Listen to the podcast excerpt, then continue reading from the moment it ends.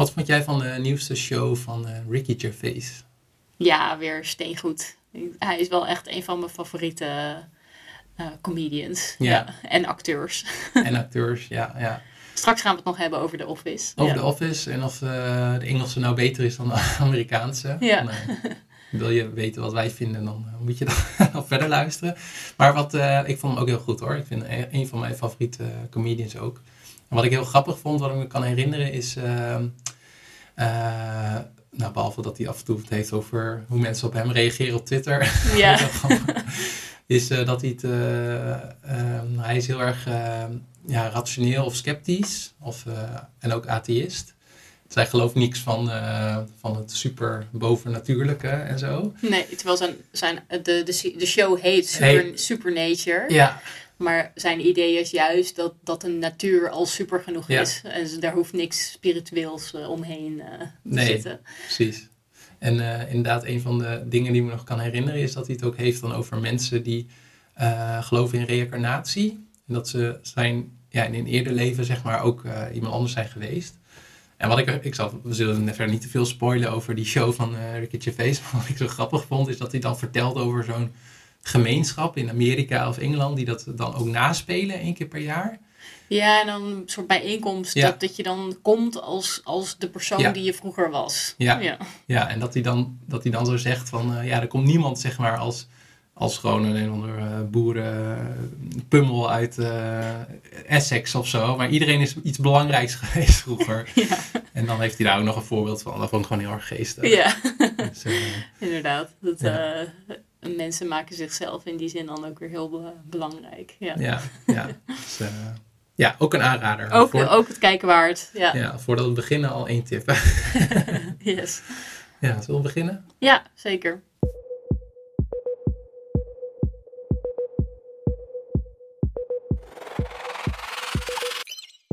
Welkom bij de podcast Supermens. Ik ben Peter Joosten. Ik ben biohacker, toekomstdenker en schrijver van het boek Biohacking en Supermens. Ik geef lezingen en webinars over de supermens, technologische ontwikkelingen, zorgtechnologie en de overheid van de toekomst. Op peterjoost.net vind je daar meer informatie over, net als mijn artikelen en video's. En mijn vriendin Suzanne is de host van deze podcast. Ja, ik ben Suzanne de Link. Ik ben maker van onder andere podcasts, blogs, video's en illustraties. Op suzandelink.nl lees je daar meer over. En in deze aflevering hebben we het over The Ministry for the Future, kabouters en tyrannos. En in de beschrijving van de podcast vind je timestamps en in sommige apps kun je daarop klikken en dan direct naar dat onderdeel van de podcast gaan. Maar eigenlijk hopen we natuurlijk dat je naar de hele podcast luistert. In ieder geval, heel veel luisterplezier.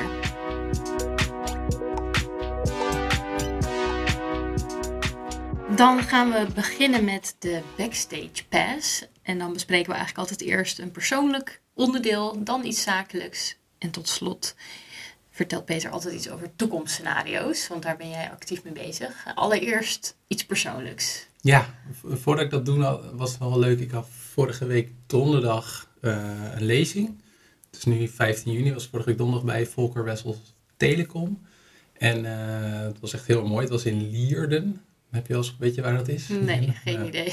Nou, onder Apeldoorn uh, zit dat. En wat wel leuk was, de dagvoorzitter die had, ja, had haar werk echt goed gedaan. Want ze zei, in de, zei van ja, ik heb je podcast geluisterd als voorbereiding. En ze zei van ja, ik luister naar de intro. En dan zeg jij, ja, hij zei tegen mij van en mijn vriendin Suzanne is de host van deze podcast. En toen dacht zij van oh jee, wordt dat heel uh, cringe, noemden ze het. Ja. En toen zeiden ze van, uh, maar dat was absoluut niet zo. En uh, je vriendin Suzanne doet het echt heel goed en brengt structuur aan en vraagt om verduidelijking. En nou ja, ik hoor niet zo vaak reacties van mensen wat ze van de podcast vinden. Dus ik vind het superleuk om te krijgen. Dus je mag me ook altijd mailen of op social media of als je mij tegenkomt het ook gewoon delen. Maar nou ja. Complimenten al mogen altijd. Ja, Feedback is ook welkom. Feedback is als je het toch cringe vindt, dan uh, nou, misschien luister je dan ook al niet meer. Maar uh, nou, dat is wel leuk. Dacht ja, ik. Wel leuk nou, om, te, om te zeggen. Dus, zeker, heel leuk om te horen. We doen het natuurlijk al een tijdje in deze constructie. Dus, ja. maar ik vind het nog steeds leuk. Dus, Mooi, ik ook. en ehm, ja, persoonlijke anekdote was, ik was afgelopen weekend met twee van mijn beste vrienden een weekendje weg. En we zaten in Roerberg, in de Duitse Eifel. Een heel leuk, heel leuk stadje met een mooi huisje. Met ook, heel, was meer een, een man cave-achtig. Want je had een pooltafel en een tafelvoetbal en tafeltennis en darts. Maar wat er gebeurde is ehm, de eerste avond, toen ehm, uh, was er uh, was geen water meer. En toen pas, dus, en dan kom je er best wel achter hoe afhankelijk je bent van water. Ja, uh, hoe afhankelijk je er van bent voor het toilet en überhaupt drinken. En we hadden ook best wel veel biertjes gedronken. Nou, dan heb ik altijd wel s'avonds dorst en de volgende dag ook. En er was natuurlijk nog wel wat water. Maar, en douchen, dat soort dingen. Maar toen herinnerde ik mij nog het verhaal van de studententijd. En daar speel jij ook een rol in. Mm Misschien moet je, moet je het zelf maar aanvullen. Maar dat ging ook over wateroverlast. Want ik was toen aan het uh, squashen. In plaats van een tekort, een, een teveel aan water. Een teveel, ja, ja. Want ik was aan het squashen met, uh, met een goede vriend. En uh, nou, we waren klaar of zo. En toen zag ik dat jij mij drie keer had gebeld. Maar toen had je die goede vriend van mij, met wie ik aan het squashen was, ook drie keer gebeld. Ja. toen dacht ik wel, wat, er is iets aan de hand. Er is iets aan de hand. Dus nou, misschien kan je het zelf beter vertellen. Ja, inderdaad. Ik was in jouw kamer aan het studeren. En uh, ik was volgens mij ook echt de enige thuis. Uh, al jouw huisgenoten die waren er ook niet. En ik had, uh, ik had muziek, oordopjes in, dus ik, ik had ja, niks door eigenlijk. En op een gegeven moment hoorde ik water druppelen of een soort van stroompje. Maar dat klonk meer alsof de wc zo doorloopt, weet je wel. Dus uh, ik, ik stapte de kamer uit en uh, het eerste wat ik zag was gewoon een soort overstroming over de overloop. er liep allemaal water van de trap af, van de, de zolder helemaal. Uh, de, ik zat dan, jouw kamer zat op de eerste verdieping. Liep zo van de, de trap van boven over de overloop, hup, de trap naar beneden. En op een gegeven moment werd er ook aangebeld uh, door de onderburen dat, dat, zij, uh, water, dat er water door het plafond bij hun uh, aan het druppelen was. Ja. En um, nou god, ik, ik schrok me dood. En ik was dus de enige bij jullie thuis. Dus ik, had ook geen idee waar, dan de, waar dat vandaan zou kunnen komen. Dus nou ja, uiteindelijk ben ik de trap opgestormd. En uh, heb ik een bron gevonden van de boiler of iets dergelijks waar water uitkwam. Dus ik zag een kraantje en die heb ik dichtgedraaid. Nou, het was opgelost. Ja. Ik had geen idee uh, hoe dat verder is uh, gefixt uiteindelijk meer. Maar nou ja, er was echt overal water. En de onderburen, er was ook een studentenhuis, die waren hartstikke boos. Ja. ja ik kon er ook niks aan doen. Nee. En ik woonde daar niet eens. Nee. Maar goed, dat, dat was... Uh, en daarna is uiteindelijk ook het hele tapijt vernieuwd. En alles is wel weer gelukkig weer mooi gemaakt. Maar, ja, ja, maar het was wel even schrikken. Ja, en dat kwam ook helemaal niet in jouw kamer. Dus ik, nee. het liep gewoon heel netjes over de overloop. Ja, dus, ja. ja. Ja, Dat, is wel, dat was wel nasty. Maar uh, ja, god, daar moest ik aan denken in dat ja. weekend. Ja. En uiteindelijk is het in jullie huisje in Duitsland ook goed gekomen met het water? Ja, ja gelukkig wel. De huisbaas die kwam de volgende dag. En uh, die was uh, die zelf elektromonteur. En die had, het was best wel een oud huisje qua interieur en zo. Alleen hij had ook een soort van zijn hobby ervan gemaakt om als elektromonteur om allemaal dingetjes, uh, allemaal high-tech dingetjes. En een van de dingen was ook, als het water te lang stroomt of zo, dan schakelt hij automatisch uit. Of uh, uit een sensor, weet ik veel. Maar dat was even een van de oor ja, oorzaken. Dus uh, het is gelukkig. en dan nou, dat was ook wel toen het weer werkte dat ik het echt wel waardeerde. Van, nou ja, neemt het zo voor lief dat er uh, overal water is altijd, ook om te drinken. En als het er even niet is, dan merk je wel van, oh ja, dat is wel echt een ding. Ja, zeker. Nou ja, zo'n waterstop had in jouw studentenhuis wel uh, ja, misschien dit kunnen oplossen, voorkomen. Dat was, een oplossing geweest. ja. ja. Leuk, grappig. Dan gaan we door naar het zakelijke onderdeel. Ja, ik had laatst een. Uh, het is, ja, ik wou eerst wat bij me opkomt hollen en stilstaan. Maar dat is soms wel zo in mijn werk met, met lezingen. Dus in mei had ik, uh, uh, had ik de eerste drie weken had ik het best wel rustig. Uh, en dat is af en toe ook wel lekker. Maar toen de laatste week had ik een lezing op maandagavond in Den Haag. En toen kwam ik ook best wel laat thuis. En toen de volgende ochtend om half negen hadden we dan check. En om negen uur gaf ik toen een, een webinar. Dat was voor voor L'Oréal van Polen en de Baltics. Dus Estland, Letland en Litouwen. En dat was dan op afstand. Dus uh, een webinar inderdaad. Ja. En toen uh, diezelfde middag ben ik nog naar Eindhoven gegaan voor een lezing bij Fontes. En, Zo. dus drie lezingen in anderhalve dag eigenlijk. Ja, ja. En ja, dat was wel een een uitdaging, omdat drie lezingen waren echt allemaal anders. Dus die in Den Haag was voor een woonzorgcentra. Dus het ging echt over zorgtechnologie en toekomst van de zorg. En die van uh, L'Oréal ging dan meer over biohacking, human augmentation. En dan die in de middag van Fontes ging, uh, had wel elementen van beide, maar ging meer over ja, megatrends. Dus meer sociale, culturele ontwikkelingen. En het ging ook nog wel deel over technologie. Dus dat ja, dat vond ik wel even leuk om te melden. Dat dat dus, uh, ja, soms is, heb ik van die weken... heb je drie weken niks en dan heb je er opeens drie in, in twee dagen. Ja, ja, en het meest ideale, en dat heb ik nu in juni, is dat ik uh, elke week één of twee heb. En dat is gewoon ja. mooi verspreid. Alleen toen was het wel even heftig. En toen, ik weet niet of het ermee te maken heeft, maar, heeft, maar ik denk het wel. Toen ben ik die dag daarna, woensdag al, was ik ook flink ziek. Oh, dus ja. had ik echt uh, buikgriep en ja, misschien dat je gewoon dat mijn weerstand wat minder was en dat ik dan eerder vatbaar was. Maar dat was wel even, ja, was wel even een top, ja, het was wel een soort van topsport. Ja, dat op dat even moment. pieken. Ja, ja. ja, absoluut. Ja. En daarna weer een beetje bijkomen. Daarna weer een beetje Ja. bijkomen. Ja. Nou ja, en tot slot de, de toekomstscenario's. ja, ik heb nu. Hoe eh, gaat het daarmee? Voor de mensen die mijn nieuwsbrief lezen, daar deel ik elke maand eentje in. En eh afgelopen drie maanden was het wel voor mij wel makkelijk. Want ik had een verhaal geschreven voor eh, Klingendaal, Spectator, over, eh, ja, over brain-computer interfaces. En daar had ik drie korte verhalen in. En eigenlijk heb ik elke maand een van die drie korte verhalen gedeeld. Maar afgelopen maand was dan de laatste. Dus ik mag weer een nieuwe gaan schrijven voor, voor jullie. En ehm, dus dat begint nu een beetje bij mij dan een beetje te borrelen. Dat ik er af en toe een beetje over nadenk. En eh, ik heb nog niet echt een richting, moet ik, eh, moet ik zeggen.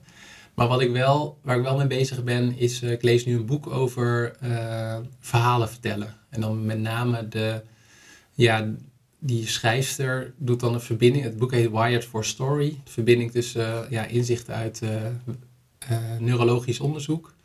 En dat ze echt hebben gekeken hoe reageren mensen op verhalen. En ehm, ja, dat biedt wel hele handige handvatten. Dus ik wil eigenlijk wel proberen of ik uit die inzichten, eh, of me dat helpt ook in het, eh, in het schrijven van die verhalen. Dus een van die inzichten uit het boek is eh, dat je vaak de protagonist, hoe heet dat, de, de, De hoofdpersoon. ja, de hoofdpersoon van het verhaal, dat die nou, iets meemaakt, een plot of zo. Maar zij schrijft in het boek dat heel veel schrijvers of aspirantschrijvers zich dan heel erg richten op wat gebeurt er in dat plot. En zij zegt het is eigenlijk veel belangrijker van ehm, de hoofdpersoon wil iets, ehm, heeft een bepaald doel. En dan gebeurt wel een plot, maar je wilt eigenlijk meer bezig zijn als eh, Met de lezer. persoon.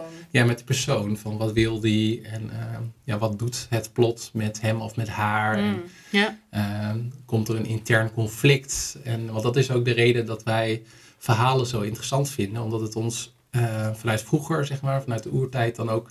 Ja, helpt het ons dan zelf om na te denken, oh, wat zal ik in zo'n situatie doen? En als ik doe zoals de hoofdpersoon, dan kan dit een van de uitkomsten zijn. Dus het is ook een manier waarop we zelf eh, leren. Dus Nou ja, dat past wel mooi dat sluit de- ook weer heel goed aan bij toekomstscenario's. Omdat Ja. dat, dat ook mensen aan het denken zet. Dat is de bedoeling natuurlijk. Over ja, wat zou ik, als, zou ik doen als ik eh, in zo'n situatie zou zijn in de toekomst? Wat zou ik doen als ik een chip in mijn brein zou krijgen? Ja. Of eh, ja, Exact, ja. Als mijn eh, werkgever dat zou verplichten, wat zou ik dan doen? Ja, ja. Ja, dus, eh, ja, dus ik hoop dat eh, mijn scenario's nog weer beter worden door dit boek. Ja, leuk. Interessant. Ja. Dan gaan we door naar de deep dive. En dan duiken we altijd in één, eh, echt wat dieper op één onderwerp. eh. en deze keer is dat weer een megatrend. We hebben al eerdere, eerdere megatrends ook al, of andere megatrends ook al besproken in vorige podcasts. Ehm, en vandaag gaan we het hebben over de megatrend eh, klimaatverandering. Voor de nieuwe luisteraars, wat is heel kort gezegd een megatrend? Megatrend is eigenlijk een langdurige sociale, culturele verandering die invloed heeft op de maatschappij, op de economie, op de samenleving. Dus die eigenlijk, eh, ja, het zijn niet echt eh modegrillen of iets kortstondigs, maar echt eh, ja, langdurige ontwikkelingen die grote gevolgen hebben. Voor allerlei, op allerlei domeinen. Ja, welke, we hebben het al eerder gehad over In ieder geval ongelijkheid. ongelijkheid. Ja. Ja, Nou ja, zo heb je bijvoorbeeld ook nog vergrijzing. Ja. Nou ja, en dus ook klimaatverandering. Ja, en ook, ehm, daar gaan we nog wel een keer over hebben, de rol van eh, Azië, dus politieke machtsverhoudingen, ook verandering in werk. Dus dat we steeds eh, eh, bijvoorbeeld korter werken, de, de gig economy, want dat zijn ook al, worden ook al geschaard onder de megatrends. Ja, Ja, ja, precies. Ja.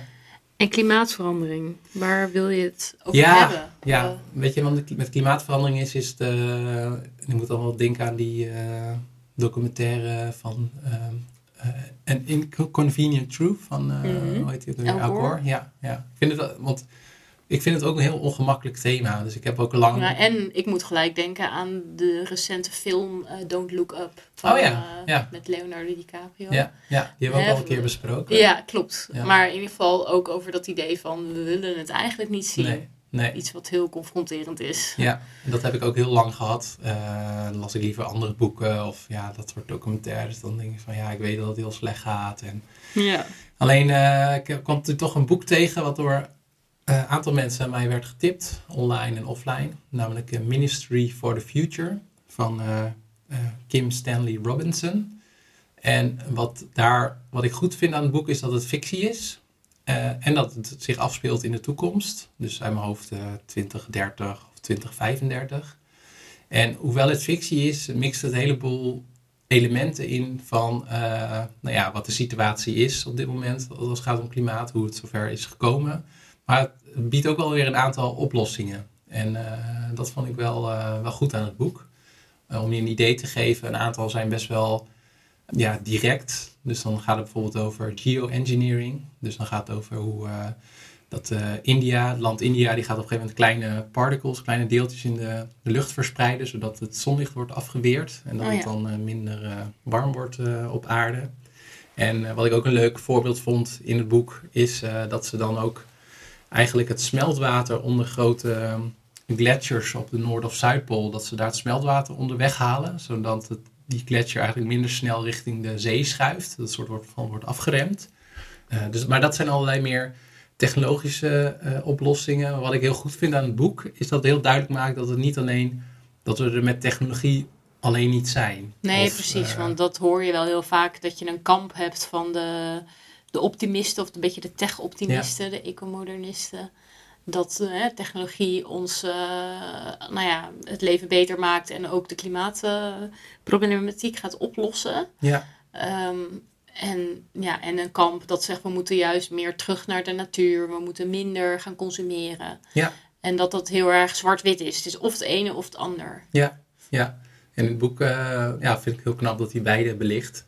Want het gaat bijvoorbeeld ook over het financieel systeem. Dus er zitten nu ook voor miljarden in de boeken van eh, landen, maar ook van eh, oliemaatschappijen. Van ja, olie en gas en kolen die, die nog moeten worden ja, hoe zeg dat, opgepompt en dan nog worden verstookt. En nou, als we dat ook maar een deel daarvan ook daadwerkelijk gaan doen, dan gaat het helemaal fout met het klimaat. Dus je moet ook wel voor dat financiële deel moet zeg maar ook wel een oplossing komen. Nou, in het boek heeft hij dat wel goed uitgewerkt. eh, de carbon coin. Dus dat je ook eigenlijk wordt beloond als land of als oliemaatschappij als je het niet doet. Misschien lijkt het wel een beetje op het eh, emissiesysteem, maar daar, daar zit ik ook niet zo goed in. Nee, en daar wordt ook wel weer veel mee gesjoemeld, Ja. toch? Tenminste, er was laatst in eh, zo'n uitzending van eh Arjen Lubach, die avondshow volgens Ja. mij. Dat het ook ging over dat, nou ja, bepaalde dingen, of hè, Nederland houdt bij wat de CO2-uitstoot is. Bijvoorbeeld bij barbecuen. Maar, nou ja, dat is allemaal zo eigenlijk een beetje krom eh, berekend dat barbecuen eh, CO2-neutraal zou zijn of iets. Ik weet niet meer precies hoe het zat. ja. Maar dat eh, ehm, ja, die berekeningen, ook daar, dat er best wel wat mee gesjoemeld wordt. Ja, ja. En dat dat dus helemaal niet de, de echte CO2-uitstoot is. Nee, nee, dat kwam inderdaad ook naar voren in het boek. Ehm, en ook, maar denk, ik denk dan van ja, oké, er wordt mee gesjoemeld, maar het is in ieder geval beter dan niks. Alleen het is wel Ja. lastig, want eh, je kan het zelf wel goed willen en goed meten, maar je bent ook wel afhankelijk van andere landen. En dat, Ja. ik vond, dat kwam ook wel goed naar voren in het boek. Eh, China heeft daar een grote rol in uiteindelijk in de transformatie. Ehm, Rusland een beetje gemixte rol, dat had hij denk ik ook wel voorzien misschien, eh, de auteur. En wat ik ook wel grappig vond, is dat ook bijvoorbeeld, eh, dan geef ik misschien al te veel spoilers, maar dat hij ook op een gegeven moment schrijft van ja, uh, Saudi-Arabië, een hele grote, ja, die ook nog heel, op heel veel olie zit. Daar vindt uiteindelijk ook een uh, verandering in het regime plaats, uh, waarin ook het land zich uiteindelijk gaat richten meer op duurzame ja, energie en stopt met olie produceren en exporteren. En dat is wel ja, een van die voorbeelden van ja, het is niet, het moet echt wel, gaat, ik ben benieuwd of dat gaat lukken, maar er gaat in ieder geval heel veel gebeuren. En niet alleen technologisch, maar dus ook financieel, ook uh, ja, in, in, in, in, politiek opzicht wil dit, uh, ja, willen we dit nog enigszins in controle houden. Ja, precies. Soms wel deprimerend. Dat, ja, je kunt zelf wel je best doen om minder vlees te eten of duurzamere keuzes te maken. Maar ja, dat hele systeem, dat is zo ja. gericht op, op ja, zo goedkoop mogelijk, zoveel mogelijk produceren. En nou ja, totaal niet gericht op duurzaamheid. Al gaat het er langzaam wel steeds meer heen. Maar het, lijkt nog niet snel genoeg te gaan. Nee, nee. Maar dat, ja, als individu is het allemaal druppel op een gloeiende plaat, voor mijn ja. gevoel. Ja, dat vind ik ook wel uh, lastig. Probeer, ja, Wij proberen het zelf en ook. En toch is het goed om het te blijven doen, denk ik. Om zelf ook duurzamere keuzes te maken.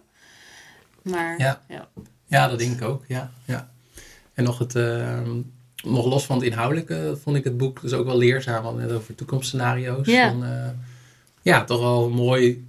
Ik vond het voor mij leerzaam om te zien hoe hij zeg maar die oplossingen waar hij dan over heeft gelezen in wetenschappelijke papers of op conferenties. En die toekomstbeelden toch in een fictief verhaal. Uh, en daar dat leest ook een stuk leuker, denk ja, ik. Ja, vind ik ook. Ja, dat was ook de reden dat ik dacht, nou, ik ga het toch gaan wagen aan zo'n boek. Ja. Um, dus ik zou het zeker ook aanraden. Ik vond, er zitten ook wel wat nadelen aan. Ik vond op het einde dat het wel een beetje lang doorging. Elk, elke verhaallijn moest worden afgemaakt. Uh, dat idee had ik. Hm. Toen op een gegeven moment dacht ik van, ja, oké, voor mij is het nu al wel klaar. Maar ja, juist die mix van um, oplossingen, goed geschreven, um, hele heftige openingsscène. Lees, ja, lees die dat ook dan uh, vooral. Zeggen geen spoilers. Geen spoilers meer, zou ik niet meer geven. Maar ja, als je, het, uh, als je het toch wil wagen aan een boek over klimaatverandering, uh, lees dan Ministry for the Future. Ja, goede tip, interessant. Ja. dan gaan we tot slot door met de bullets. En dat zijn eigenlijk altijd drie dingen, tips, boeken, media, tech, dingen die jou zijn opgevallen of die jij aanraadt. Allereerst een boek wat je hebt gelezen. Ja, het boek is uh, How to be Perfect van Michael Schur. Nou, Michael Schur ken je is van? geschreven over mij. Nee. Michael Schur is van uh, The Office. En uh, zeg ik dat goed? Ja, ja. toch? En ja. van um, die serie over The Good, ja, The ja. Good Place. ja. ja, The Good Place, ja. En ja, wij kijken nu The Office. Kan ja, we hebben hem al gezien, maar we kijken hem nog een keer. Ja, ja, wel, ja precies. Maar dan heb je dus uh, voor de. Uh, Wat is jouw favoriet? De, de, de, de Britse of de Amerikaanse? Ja, goh. Ik denk wel de Britse. Denk ik, ja. Voor dat is wel een soort van de OG, zeg maar. Ja, en ik vind um, Ricky Gervais gewoon heel erg geestig. Ja, het is echt. Ja. ja. ja. ik denk het ook wel. Alleen, daar zijn maar twee seizoenen Ja, twee seizoenen en een kerstspecial. Ja, die kerstspecial is ook geniaal. Ja. Maar goed, Michael Schur is dan van de Amerikaanse Office. Ja, ja. ja. en die speelt dus ook af en toe nog een rolletje als de broer of de neef van uh, Dwight. Ja, Moos. Moos, ja. ja, En uh, daarna, of ja, dat was zo'n succes. Ik heb daar ook wel wat achtergrondverhalen van gehoord. Dat heel veel mensen het eigenlijk niet zagen zitten om een Engelse versie van de, uh, Amerikaanse versie van de Engelse The Office, Office te maken. En Michael Schur werkte toen bij Saturday Night Live. En die is toen, uh, heeft toen gesolliciteerd bij de, nou, weer de hoofdmaker van The Office. Nou ja, dat was een heel groot succes uiteindelijk. En toen mocht hij zelf een serie maken. En toen had hij ook al interesse in morele filosofie. En dat heeft geleid tot The Good Place. En nu, ja, ik weet niet hoe dat precies is gelopen. Maar uiteindelijk heeft hij dus ook weer nu een boek geschreven over morele filosofie. En dat is dus How to be Perfect. Ja, en heb je hem uit? En wat vond je ervan? Ja, ik heb hem uit. En, uh, want ik lees wel eens wat over filosofie, maar in ieder geval een stuk minder dan jij. Want je hebt, we hebben het ook al een keer eerder gehad over existentialisme. Ja, ja. klopt. En dus dat komt ook naar voren in het boek. En uh, ja, ik vond het echt wel een, uh, wel een goed boek. Het is heel toegankelijk. Het gaat eigenlijk over de belangrijkste gedachtegoed en belangrijkste, belangrijkste filosofen. Uh, van Aristoteles, die had het volgens mij dan over virtue ethics. Ik pak even mijn aantekeningen erbij. Dan heb je deont deontologie en utilitarism. Utilitarisme, nou ja. ja, ja. Het gaat er een beetje over in de keuzes die je maakt. Gaat het dan om uh, de deugden die je hebt? Dat was volgens mij het van Aristoteles. Of gaat het om uh, je intentie of de uitkomst? Nou, eigenlijk allemaal van dat soort, uh, dat soort dingen gaat het over. En het, het trolleyprobleem bijvoorbeeld. Van, ja, wat voor keus maak je uiteindelijk en wat zijn de gevolgen daarvan? Ja, ja, dat wordt ook nog mooi uh, uitgebeeld in The Good Place, hè, het ja. probleem. Want een van de hoofdpersonen is uh, Chidi en dat is uh, een professor in morele filosofie. Ja. En nou ja, overlijdt dan en komt dan in The Good Place. En daar moet hij dan, moest hij dan op een gegeven moment ook zo'n trolleyprobleem oplossen. Ja. En dat, uh, als, ja, hij is dan hè, professor in de morele filosofie, dus hij zou het wel moeten kunnen oplossen. Wat is nou de beste keuze? Maar hij wist het ook niet. nee, nee, klopt. En, uh, ik gebruik dat clipje soms ook nog wel eens in lezingen, omdat ik het gewoon heel, heel grappig vind. Ja, precies. Ja, en uh, nou ja, dat, hij verwijst, die schrijver verwijst ook af en toe naar The Good Place, maar je kan het ook gewoon prima lezen als je, het, als je de serie niet hebt gezien. Maar het is ook een aanrader. Serie, serie. Ja, de serie is ook een aanrader. Ja. En af en toe is het een beetje te flauw. Zeker ook in, uh, in het begin las ik nog alle voetnoten. Beetje Amerikaans. Ja, een beetje Amerikaans grappig. Dus dat, daar moet je wel een beetje door, nou, doorheen klinken. Het was, vond niet heel storend. Maar ja, ik vond echt wel een, echt een toegankelijk boek over morele filosofie. En uh, uh, ja, alle een aantal dingen die ik dan wel een soort van kende. Gedachtegoed van Immanuel Kant. En, uh... Zijn er nog dingen ook die je eruit hebt gehaald die je nu dan anders doet? Of dat je anders bent gaan kijken naar je keuzes? Of wat moreel is? Wat, wat is goed en hoe word je... Nou ja, het is nu goed dat je het zegt. Want het is nu alweer een beetje weggezakt. Maar zeker toen ik aan het lezen was, dacht ik wel eens van... Uh, als ik iets, als je dingen in split second moet beslissen, heb je daar geen tijd voor. Zoals in uh, TD en het trolley problem. Maar meer soms dat ik denk van, uh, oh ja, wat zou nu goede keuzes zijn? Uh, op basis van de gevolgen of op basis van mijn intentie of ja. nou ja, op basis van welke deug, welke waarden zijn nu belangrijk in deze afweging. Ja. Dus ja, dus maar dat is een beetje weggehebt. Dus wel goed dat je het zegt. Uh, om je wat ethischer te gedragen. Ja, precies. Ook misschien keuzes van, nou, ga ik wel of niet met het vliegtuig? Of eet ik wel of geen vlees? Ja. Uh, meer van, nou ja, dan ook weer met het klimaatprobleem. Dat je daar misschien ook een morelere keuze in uh, maakt of zo. Ja, ja, dat wel, ja, Aristoteles zou dan zeggen van, ja, wat zijn dan... Hoe heb je elke waarde, zeg maar, een juiste balans van gevonden? Ehm, dus die zou zeggen van, nou ja, god, als je wat vind je belangrijk? Je vindt reizen of misschien ook belangrijk, andere culturen zien. En je vindt klimaatverandering belangrijk. Ga je dan wel of niet vliegen? Ja. ja. Dus die zou daar wat losser in zijn. Maar Immanuel Kant, die zou dan heel... Die is wat strikter. Uh, die zou dan zeggen van uh, nee, je, je wilt het klimaatprobleem je steentje aan bijdragen en dan ga je ook niet meer vliegen. Mm -hmm. En uh, wat ik ook wel goed vond aan het boek is, uh, uh, is dat hij ook het, wel ook een hoofdstuk heeft over privilege. Dus nou ja, misschien zal het bij sommige mensen jeuken, zeker ook in Amerika. Maar dat hij, hij kon wel een goed argument, kon het wel echt goed beschrijven. Van, ja, juist als je de mogelijkheden hebt om je dit soort ethische vragen uh, jezelf te kunnen stellen. Van moet ik vliegen of niet? Ik bedoel, het is wel echt een, ja, een beetje een luxe probleem eigenlijk. Ja, ja, dan heb je ook wel meer verantwoordelijkheid om, mm. uh, om dat te doen. Dus dat, ja, uh, dat ja net goed. zoals het eten van vlees vind ik ook zoiets. We kunnen wel zeggen dat mensen geen, minder vlees moeten eten. Maar in Nederland en ook in andere landen is vlees misschien wel een van de mee, ja, goedkopere en voedzamere ja. etenswaren. Dus ja, dan kun je moeilijk zeggen van ga maar over op de, de quinoa en de, weet je wel, de, de kikkererwten, weet ik wat allemaal. Ja, dat is, niet, is makkelijker gezegd dan gedaan. Eh, ja. en zeker als je, als je wel de tijd en het geld hebt, dan kun je dat natuurlijk wel doen. Of bijvoorbeeld plantaardige melk en dat soort dingen. Dat uh, ja. is hartstikke duur in verhouding met gewone melk, natuurlijk. Maar, ja. ja. Nou, ja, en, zij, zij nee, dat is wel goed zijspoelen. Want het doet mij nog denken aan de vorige podcast waarin we het hadden over ongelijkheid. En in het boek komt ook de ehm, original position of original van John Rawls aan bod. En dat is heel kort door de bocht uh, uh, dat wat nou als je vooraf kan besluiten hoe de samenleving eruit ziet Eh, maar je weet nog niet hoe je wordt geboren. Als eh, man of vrouw, in welk land of wat. eh, hoe zou je het dan regelen? Hmm, ja. En ja, dan zouden mensen het wel wat eerlijker regelen, zeg maar. Ja. En, ja, dat vond ik ook wel een sterke gedachteoefening. Van, eh, ja, hoe zouden we het doen op het moment dat je niet weet ja, hoe je wordt geboren? Wat je Nee, kan- precies. Want nu zit je in bijvoorbeeld in een goede positie. Ja, Eh, ja, dan ga je vanuit die goede positie bedenken wat, eh, wat jou, eh, voor jou vooral goed is. ja, Maar als je niet zeker weet of, of je wel in die positie komt, dan ja, ga je er wel anders over denken. precies. Ja. Ja, ja, Ja. Dus ja, ook weer Ah, een linkje met de vorige. Ja. ja, leuk. En de tweede bullet. Een tool of tech. Ja, we gaan echt wel een beetje nerden, al valt het wel, ook wel weer mee hoor. maar ik gebruik kaboutertjes op mijn laptop. Ehm, Kabouters. ja, dat heet een tool die heet Hazel. Ik weet niet, ik denk 20 dollar of zo, of minder.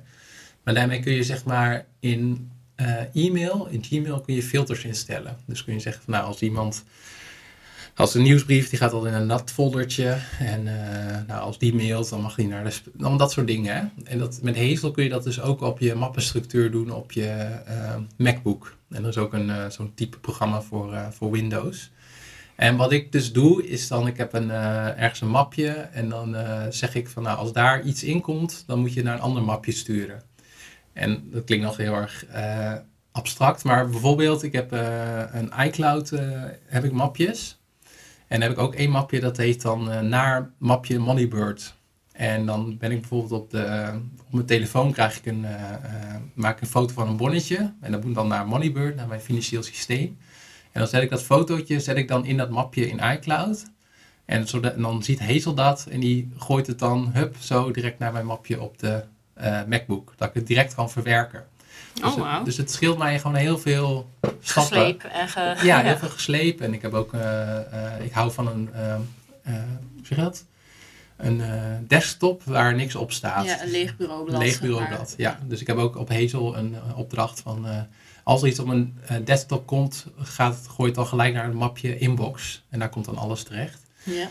En eh, dat zijn maar ja, een paar dingen die ik doe. Waarschijnlijk kun je er nog veel meer uithalen. Want je kan echt ook instellen van nou, als een, een, een bestand van dit type, da, dat, die moet daar naartoe. Of een bestand met deze naam, die moet daar naartoe. ja, facturen, gelijke Ja. facturen, audio, foto's, Precies. of whatever. Ja. Dus het is echt, eh, ja, net als andere dingen als het gaat om tools voor productiviteit. Je moet je even erin verdiepen om het in te stellen. Ja. Maar dan gaat het je heel veel tijd besparen. ja. Goeie Ja. tip. Ja, Ja. ik ga dat ook eens even opzoeken. Ja. Vind ik wel handig. Hazel heet het. Hazel, Ja. ja. Hazel, ja. En tot slot een derde tip, een film of een serie wat je hebt gezien. Ja, ik ben echt eh, helemaal fan van eh, het verhaal van eh, Theranos en eh, Elizabeth Holmes. Ik heb het boek gelezen, Bad Blood. Ik Het is heb, een bedrijf wat oh ja. bloedtesten deed. ja, het was heel revolutionair. eh denk ik wel tien jaar, vijf jaar geleden of zo. Die had dan een belofte, op basis van één druppel bloed kun je iets van eh 300 eh, testen doen. Of je kanker hebt, of je diabetes hebt, weet ik veel wat. Mhm. En eh, uiteindelijk, spoiler alert, was het allemaal een, eh, een scam. Ja. Dus eh, ze kregen de technologie niet op orde. Er waren wel heel veel, het werd enorm hoog gewaardeerd. Er zaten allemaal hoge pieven, zeg maar, in de board of direct, in de aanbevelingsboard of Ja, raad van want als zoiets zou werken, dan Ja. is dat natuurlijk een goudmijn. Dat, Ja. dat is ook zo. Ja. mensen zagen ook de nieuwe, nieuwe Apple ontstaan. En de oprichtster, die werd ook heel erg, was heel erg idolaat van Steve Jobs. Dus die ging zich ook eh, ja, een beetje gedragen als Steve Ja. Jobs qua kleding en qua uiterlijk en qua stijl van presenteren. En ook, eh, ze huurde dan ook het marketingbureau in wat eh, Steve Jobs mee had gewerkt. Dat is echt eh, krankzinnig duur. ja. En nou ja, ik, ik, ik, vond, ik vind het een heel tof verhaal. Want een aantal dingen komen samen. Want ik hou me sowieso veel bezig met, met zorgtechnologie. Dat vind ik heel leuk. Ik vind die ontwikkeling in Silicon Valley, een beetje die, die start-ups, de nieuwe, nieuwe technologie en dat, ding, dat soort dingen vind ik heel erg leuk. En ik vind ook die, ja, toch een beetje die eh, echt gebeurde eh, intriges. ja, met- die smeuïge verhalen Ja, over... ja. eh, nou ja, wat je ook de vorige keer had, je, hadden we het over de Ja, mondkapjesdeal. Met, van ja. ja, hoe dat dan gaat. En ja, dat vind ik ook super interessant. En lees gewoon lekker. Nou, en dat heb je dus allemaal in dat verhaal van, eh van Theranos. Ja, en dat is het boek Bad Blood. Ja, en dan heb je ook nog een documentaire erover. Die heet, eh, volgens Volgens nou, dan ben ik uh, The Inventor, Out for Blood. En dan heb je ook nog de podcast, die heet The Dropout. Nou, ik heb ze allemaal al gelezen, gezien en geluisterd. En nu heb je dus ook nog een serie, een ja, fictie, of wel gebaseerd op dat verhaal. En dat heet ook The Dropout. Ja. En dat ben ik nu aan het kijken, bijna uit. En uh, ja, die wil ik ook tippen. Dus je hoeft het boek niet eens te hebben gelezen of al die andere dingen die ik heb gedaan. Maar het is gewoon een, uh, een leuke serie. Uh, niet zeg maar, uh, wat, is, wat is nou echt uh, outstanding niveau. Ja, in die categorie met die hele rijke familie. ja, Succession, Succession waar we het eerder ja. over hebben gehad. Hm. Of Breaking Bad. Of Better Call Saul moeten we misschien ook nog een keer over hebben. Of, dat is wel echt Ja. wel wat ik, wij of ik wel echt Ja. topcategorie. Dit is zeg maar wel, volgens mij scoort op IMDb ook tussen de 7 en 8. Dus gewoon prima. En, Gewoon eh, lekker kijken. lekker kijken. En eh, het blijft ja, re- relatief dicht bij de waarheid, denk ik. Eh, Een aantal dingen komen mij bekend voor. En wat ik heel goed pro vind aan deze serie is gewoon echt goede acteurs. Ehm, Er zitten dus- wel wat bekende in. Ja, ja ehm, ik ken ze allemaal niet bij naam, behalve eentje, namelijk Stephen Fry, die speelt erin. Oh ja. En eh, ja, die vind ik altijd goed. En eh, die heeft nu ook echt een eh, mooie rol. En ja, dus dit is wel echt ook een tip. Er zijn volgens mij acht afleveringen of zeven van eh 50 minuten tot een uur. Ja. Dus eh, ja, echt leuk om te, om te kijken. Nou, leuk. Ja, goede tip. Oké, nou, dat was hem weer. Bedankt voor het luisteren. Eh, Supermens wordt gemaakt door mij, host Suzanne Dullink, en door Peter Joosten. En Laslo Versteeg doet de productie. Eh, de show notes staan bij de beschrijving zelf, inclusief timestamps. Dus als je dan nog een bepaald onderwerp, onderdeel nog even terug wil luisteren, dan kun je daar direct op klikken. En ga naar peterjoosten.net voor lezingen, webinars, de tweewekelijkse nieuwsbrief, blogartikelen, boeken en alles van Peter. En eh, heel graag tot de volgende aflevering.